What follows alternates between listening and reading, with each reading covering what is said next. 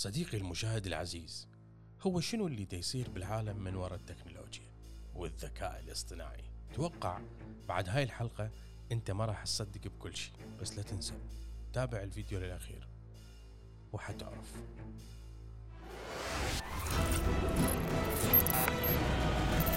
To be older, not always. To be wiser. مرحبا أصدقائي أنا سيزر الحاتمي أحدثكم من مكان ما على كوكب الأرض. وأنت الآن في نقطة تفكير الموسم الثاني من قناة أكستوك المتواضعة واللي راح تكبر بمشاركتك إلها. وإن حاب تدعم القناة وفرت منتجات خاصة بالقناة رابطها أسفل بالوصف. خلي نبلش.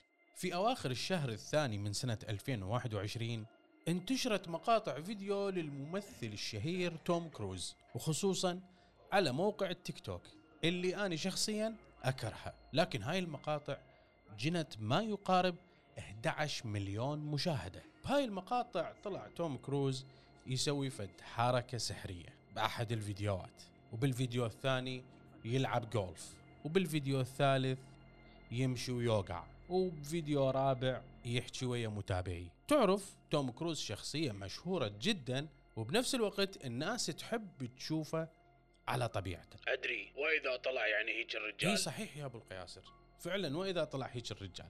بس للمعلومة هذا مو توم كروز. شلون يعني كذب؟ وداعتك كذب لأنه الرجال بهذا التاريخ كان قاعد ببيته. يعني فوتوشوب. لا يا حبيبي القضية شوية أكبر بس أتمنى أنه أنت تظل بالفيديو. توم كروز كان مو هو أصلا بالفيديوهات اللي جابت ملايين المشاهدات. والرجال أصلا مو هو اللي بالكاميرا. وحتى وإن قرب وجهه بالكاميرا فمو هو. ولا الموضوع أنه هو موضوع شبيهة.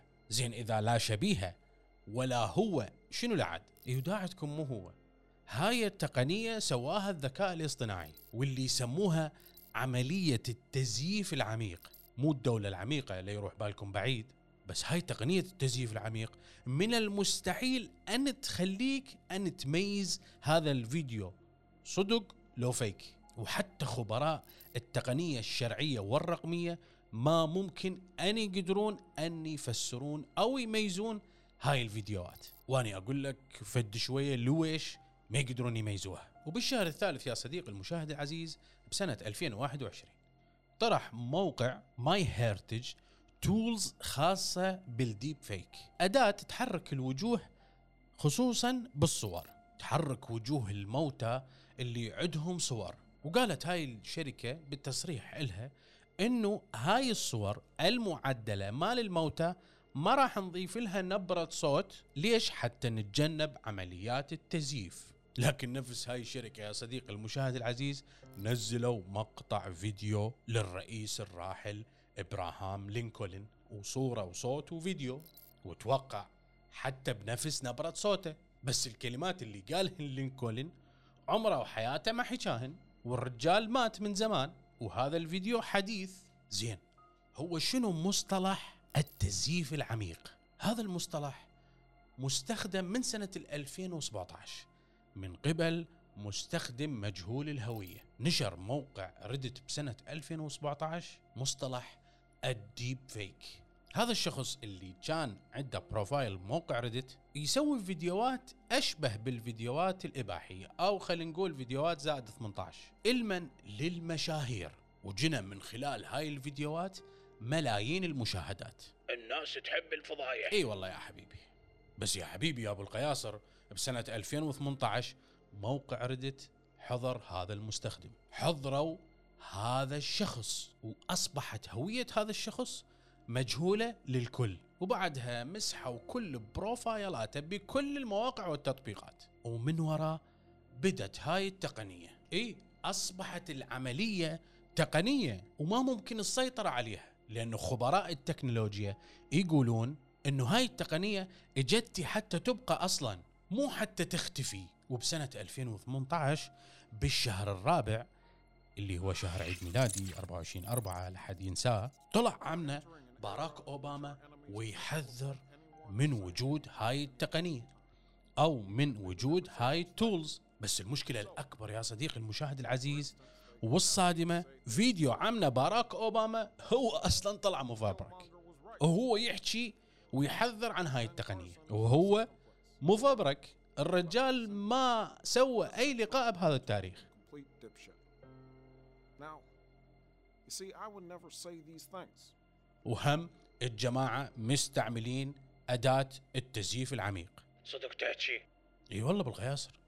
كان الرجال قاعد ببيته ويمكن كان يباوع يوتيوب أو كان يباوع له فيلم. وتفاجأ من شاف نفسه. زين هو شنو هاي التقنية أصلا؟ شوف حبيبي المشاهد. مثلا عندك شخص أنت تريد تستهدفه. فلنفرض أبو القياصر. تأخذ كل صوره أو فيديوهاته ونبرات صوته وتنزلهن على الذكاء الاصطناعي. وتعطيه أمر إنه يشتغل على هذا الشخص المستهدف. والذكاء الاصطناعي راح ينفذ هذا الشيء بعد أن ما يدرس هاي المقاطع.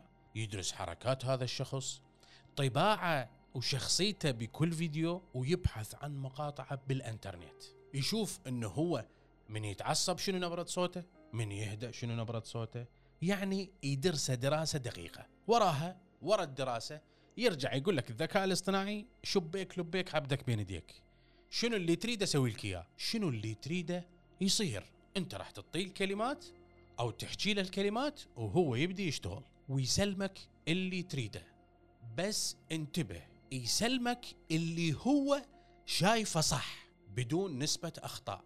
مو اللي أنت شايفه صح. لا اللي هو الذكاء الاصطناعي شايفه صح. هذا الذكاء الاصطناعي يعتمد على شبكتين شبكات التوليد أو الإنتاج وشبكات التنافس أو عكس شبكات التوليد. يعني هن عبارة عن خوارزميتين وحدة تشتغل عكس اللخ. يعني تجي الخوارزمية الأولى اللي المنتجة اللي تنتج الفيديو الفيك. بعدها تجي الشبكة المعاكسة إلها أو المنافسة إلها. تقارن هذا الفيديو اللي سلمته الشبكة الأولى مع كل الفيديوهات الموجودة على الكرة الأرضية اللي تخص الشخص المستهدف. وتشوف الشغل هل شغل الخوارزمية الأولى صح؟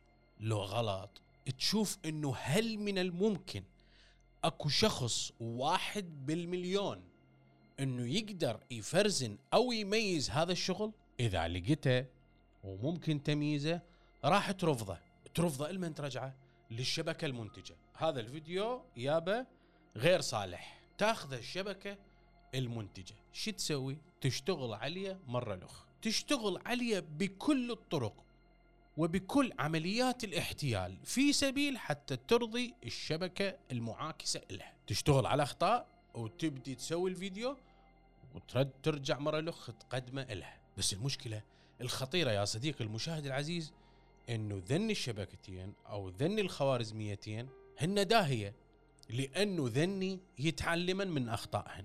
وهذا الشيء صادم ومخيف إنه فد شيء أو آلة تتعلم من أخطائها. فد شيء إذا تفكر به بشكل عميق راح تلقاه خطر جدا. لذلك قلت لك إنه الموضوع ما بيه نسبة خطأ. وبنفس الوقت الموضوع ما ممكن إن نسيطر عليه. وانتبه يا صديقي المشاهد العزيز إنه هاي التقنية تعالج الموضوع صورة وصوت.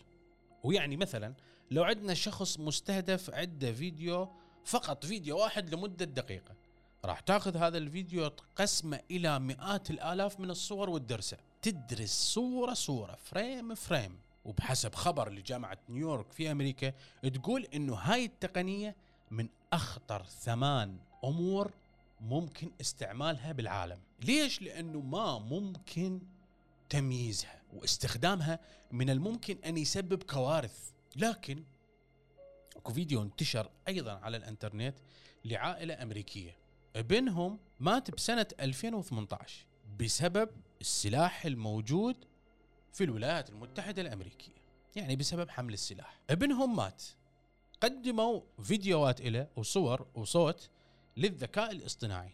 طلعوا بفيديو له يقول بي إنه أني متت صار لي سنتين وأنتم لحد الآن تحملون السلاح. هذا الفيديو والكلام لو تركز بيه من شخص ميت طلع لك فيديو يقول لك أني متت صار لي سنتين وأنتم لحد الآن تحملون السلاح. أنت تخيل أي شخص ميت عندك تقدم له data لهذا للذكاء الاصطناعي ويطلع لك فيديو إلى صورة وصوت. شنو الرعب اللي راح أنت تتفاجئ بيه؟ ممكن عقلك أن يسوي processing لهاي الحالة؟ شخص ميت شلون إلى فيديو؟ والقضية هي مو قضية مونتاج عادي. لا. القضية إنه ما ممكن تمييزها. لذلك قلت لك بالعنوان الذكاء الاصطناعي حتى رجع الموتى. فيا صديقي المشاهد العزيز كل ما نتطور إحنا البشر ندفع ضريبة عالية جدا لهذا التطور. وهذا السبب هو نفسه اللي راح يكون دافع لبعض الأشخاص أو لبعض البشر بالمستقبل البعيد أن يهاجرون كوكب الكرة الأرضية لأنه مثل هاي التقنية قد تسبب ضرر أخلاقي كبير عند بعض الناس وبسبب التلاعب الجيني اللي حكيت به بالحلقة السابقة.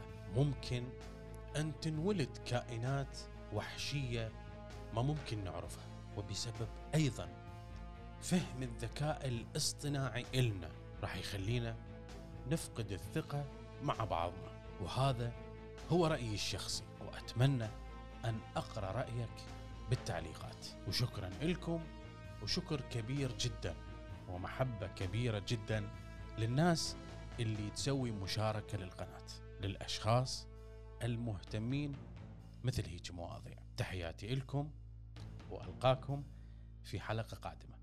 أخوكم سيزر الحاتمي. يا الربع ترى هاي الحلقة مو سيزر مصورها هذا الذكاء الاصطناعي هو اللي صورها. ترى سيزر نايم والدليل إنه هاي الحلقة نزلت يوم الاثنين.